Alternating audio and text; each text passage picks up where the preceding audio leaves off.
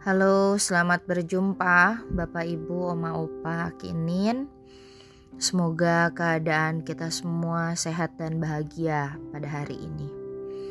Sapaan lansia pada saat ini diambil dari Injil Yesus Kristus menurut Lukas pasal 21 ayat 5 sampai dengan ayatnya yang ke-11. Demikian tertulis. Ketika itu beberapa orang berbicara tentang bait Allah dan mengagumi bangunan yang dihiasi dengan batu indah dan berbagai macam barang persembahan. Tetapi Yesus berkata kepada mereka, akan tiba harinya segala yang kalian lihat di situ diruntuhkan dan tidak akan ada satu batu pun dibiarkan terletak di atas batu yang lain. Lalu murid-murid bertanya, "Guru, Bila manakah hal itu akan terjadi? Dan apakah tandanya kalau itu akan terjadi? Jawab Yesus, waspadalah, jangan sampai kalian disesatkan. Sebab banyak orang akan datang dengan memakai namaku dan berkata, Akulah dia, dan saatnya sudah dekat. Janganlah kalian mengikuti mereka. Dan bila kalian mendengar kabar tentang perang dan pemberontakan, janganlah kalian terkejut sebab semuanya itu harus terjadi dahulu. Tetapi itu tidak berarti kesudahannya akan datang segera. Kemudian Yesus berkata kepada mereka, "Bangsa akan bangkit melawan bangsa, dan kerajaan melawan kerajaan. Akan terjadi gempa bumi yang dahsyat, dan di berbagai tempat akan ada penyakit sampar dan kelaparan. Dan akan terjadi juga hal-hal yang mengejutkan dan tanda-tanda yang dahsyat dari langit. Demikianlah Injil Tuhan. Ibu bapak, oma opa yang terkasih, uh, minggu ini bersama-sama kita memasuki Minggu Kristus Raja, yang artinya adalah uh, minggu yang akan uh, menghubungkan kita dengan Advent yang pertama. Yang kita akan sama-sama songsong pada minggu ini tanggal 28 November 2021. Apakah kita sudah siap menyambut Advent? Kita menyiapkan diri kita untuk kelahiran juru selamat Mesias datang dalam rupa manusia bagi penyelamatan kita. Nah, ibu bapak yang terkasih, teks-teks leksionaris yang diberikan kepada umat belakangan ini adalah teks-teks kitab suci yang mengundang kita untuk kembali menguji diri kita sendiri. Bagaimana kita menyiapkan diri kita menyambut kedatangan Kristus di dalam hidup kita. Apa makna hidup yang beriman, hidup yang beribadah, dan bagaimana perwujudan hidup yang beribadah itu kita kaitkan dengan hubungan kita bersama dengan sesama kita. Tentu ada banyak hal yang harus kita koreksi di dalam kehidupan kita. Diri kita ini begitu rapuh karena manusia itu memiliki perasaan sekaligus juga pikiran. Kadang-kadang pikiran dan perasaan kita tidak sinkron. Pikiran kita lebih menguasai daripada perasaan kita. Dan kadang-kadang perasaan kita juga jauh lebih mempengaruhi pikiran kita. Kita bisa sangat terbawa perasaan sehingga kita bisa lalai untuk bertindak benar, adil kepada setiap orang. Memang tidak mudah bagi kita untuk memiliki relasi yang baik kepada semua orang. Dan saya belajar bahwa memang manusia tidak bisa menyenangkan semua orang. Tapi kita bisa belajar untuk mengasihi setiap orang sesuai dengan nilai-nilai yang telah Kristus contohkan dan teladankan bagi kita. Dalam perjumpaan kita dengan sesama, nilai-nilai spiritualitas kita akan diukur dari bagaimana kita bersikap kepada diri kita sendiri dan juga kepada orang lain. Ketika kita berbuat salah, apakah kita adalah seseorang yang bersedia untuk diperbaiki?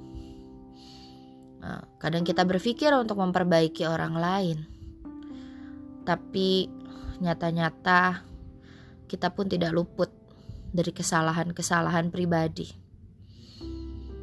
Dan kemudian, ketika kita memperlakukan orang lain, sebagai contoh, apabila bapak ibu adalah orang tua dari banyak anak, apakah orang tua bisa berlaku adil terhadap anak pertama, anak kedua, anak ketiga, dan seterusnya? Kadang-kadang ada yang disebut anak emas, anak kesayangan.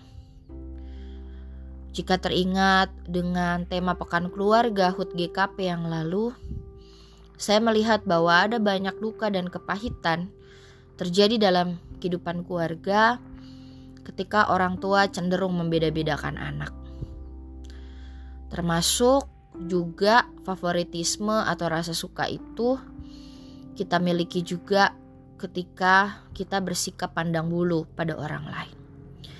Tapi kita melihat bahwa Yesus Kristus adalah pribadi yang otonom, pribadi yang merdeka dalam hal memperlakukan manusia. Dia tidak melihat rupa, tidak melihat status seseorang, tapi dia melihat seseorang dari kedalaman hatinya. Dia sama sekali tidak seperti kita yang pandangan matanya sering kali hanya tertuju pada hal-hal yang sifatnya fisik atau lahiriah. Seringkali kita memandang seseorang dari asalnya, dari gaya bicaranya, dari penampilannya, tanpa kita mencoba untuk menyelami apa yang ada dalam hatinya dan pikirannya. Kita terburu-buru dalam menghakimi sesama kita. Nah, yang kita bisa baca dari Alkitab yang kita renungkan dalam Injil Lukas pada saat ini adalah bagaimana Yesus bicara bahwa ketika kerajaan Allah datang ke dalam dunia ini, maka standar-standar yang lahiriah seperti kekayaan, keindahan, kemewahan itu akan tergantikan oleh hal-hal yang abadi. Dan semua yang lahiriah itu satu kali nanti akan habis lenyap. Di dalam hidup ini, Bapak Ibu yang terkasih, kita sering kali masih senang dengan hal-hal yang sifatnya materi. Uang, barang-barang yang bagus, kemewahan, hal-hal yang besar. Tentu saja itu semua adalah hal-hal yang diingini oleh setiap manusia. Tapi ketika kemudian kita menjadikan itu sebagai yang utama dan yang pertama di dalam kehidupan kita, maka kemudian itu juga memengaruhi cara kita berelasi dengan sesama kita dan memperlakukan mereka. Seringkali kalau kita melihat seseorang yang sederhana pakaiannya, seseorang yang tidak suka bermewah-mewah, tidak punya barang-barang yang mewah di dalam kehidupannya, kita menganggap mereka tidak satu style dengan kita dan pemikirannya ataupun spiritualitasnya bukan hal yang penting buat kita. Memang tidak semua orang seperti itu, tapi biasanya orang cenderung akan memandang orang lain seperti itu.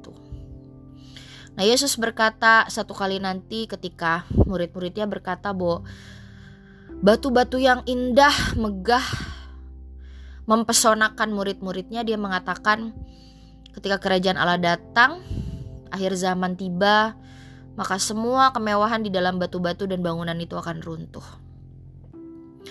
Kita semua akan menemukan kenyataan bahwa semua yang fana dan sementara itu akan habis lenyap.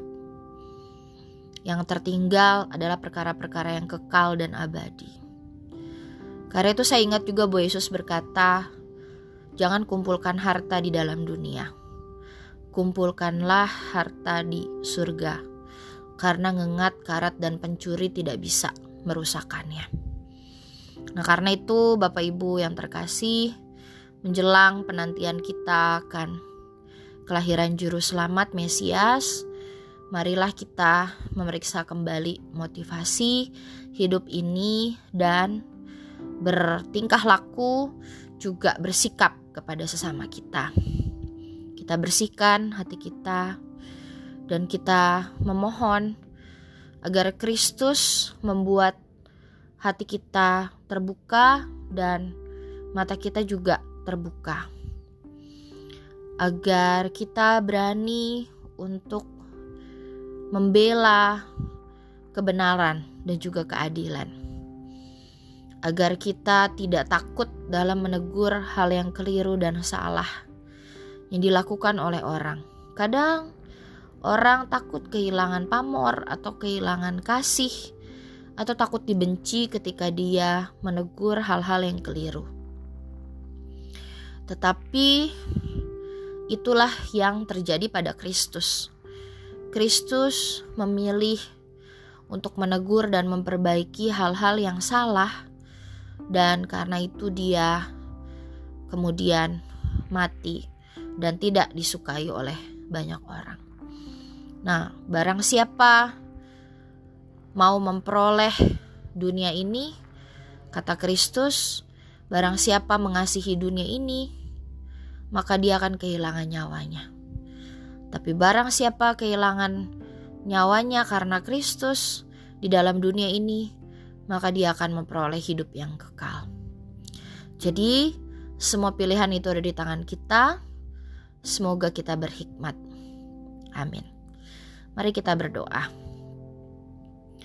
Kristus, Anak Allah Maha Kudus, kiranya dalam kami menyiapkan hati dan batin kami menyambut kelahiran Mesias, Juru Selamat dunia. Tuhan menerangi mata hati dan pikiran kami, agar kami dapat lebih peka mendengar suaramu, dan kami menerima suaramu dan kebenaran serta keadilan itu di dalam hati kami. Berikanlah kepada kami keberanian di dalam perjuangan iman kami sekalipun kami harus memikul salib dan menyangkal diri kami. Oleh karena namamu ya Tuhan. Berilah kepada kami kekuatan dan kesanggupan. Demi Kristus Yesus Tuhan dan Juru Selamat, kami berdoa. Amin. Sampai jumpa Bapak Ibu Aki Inin yang terkasih.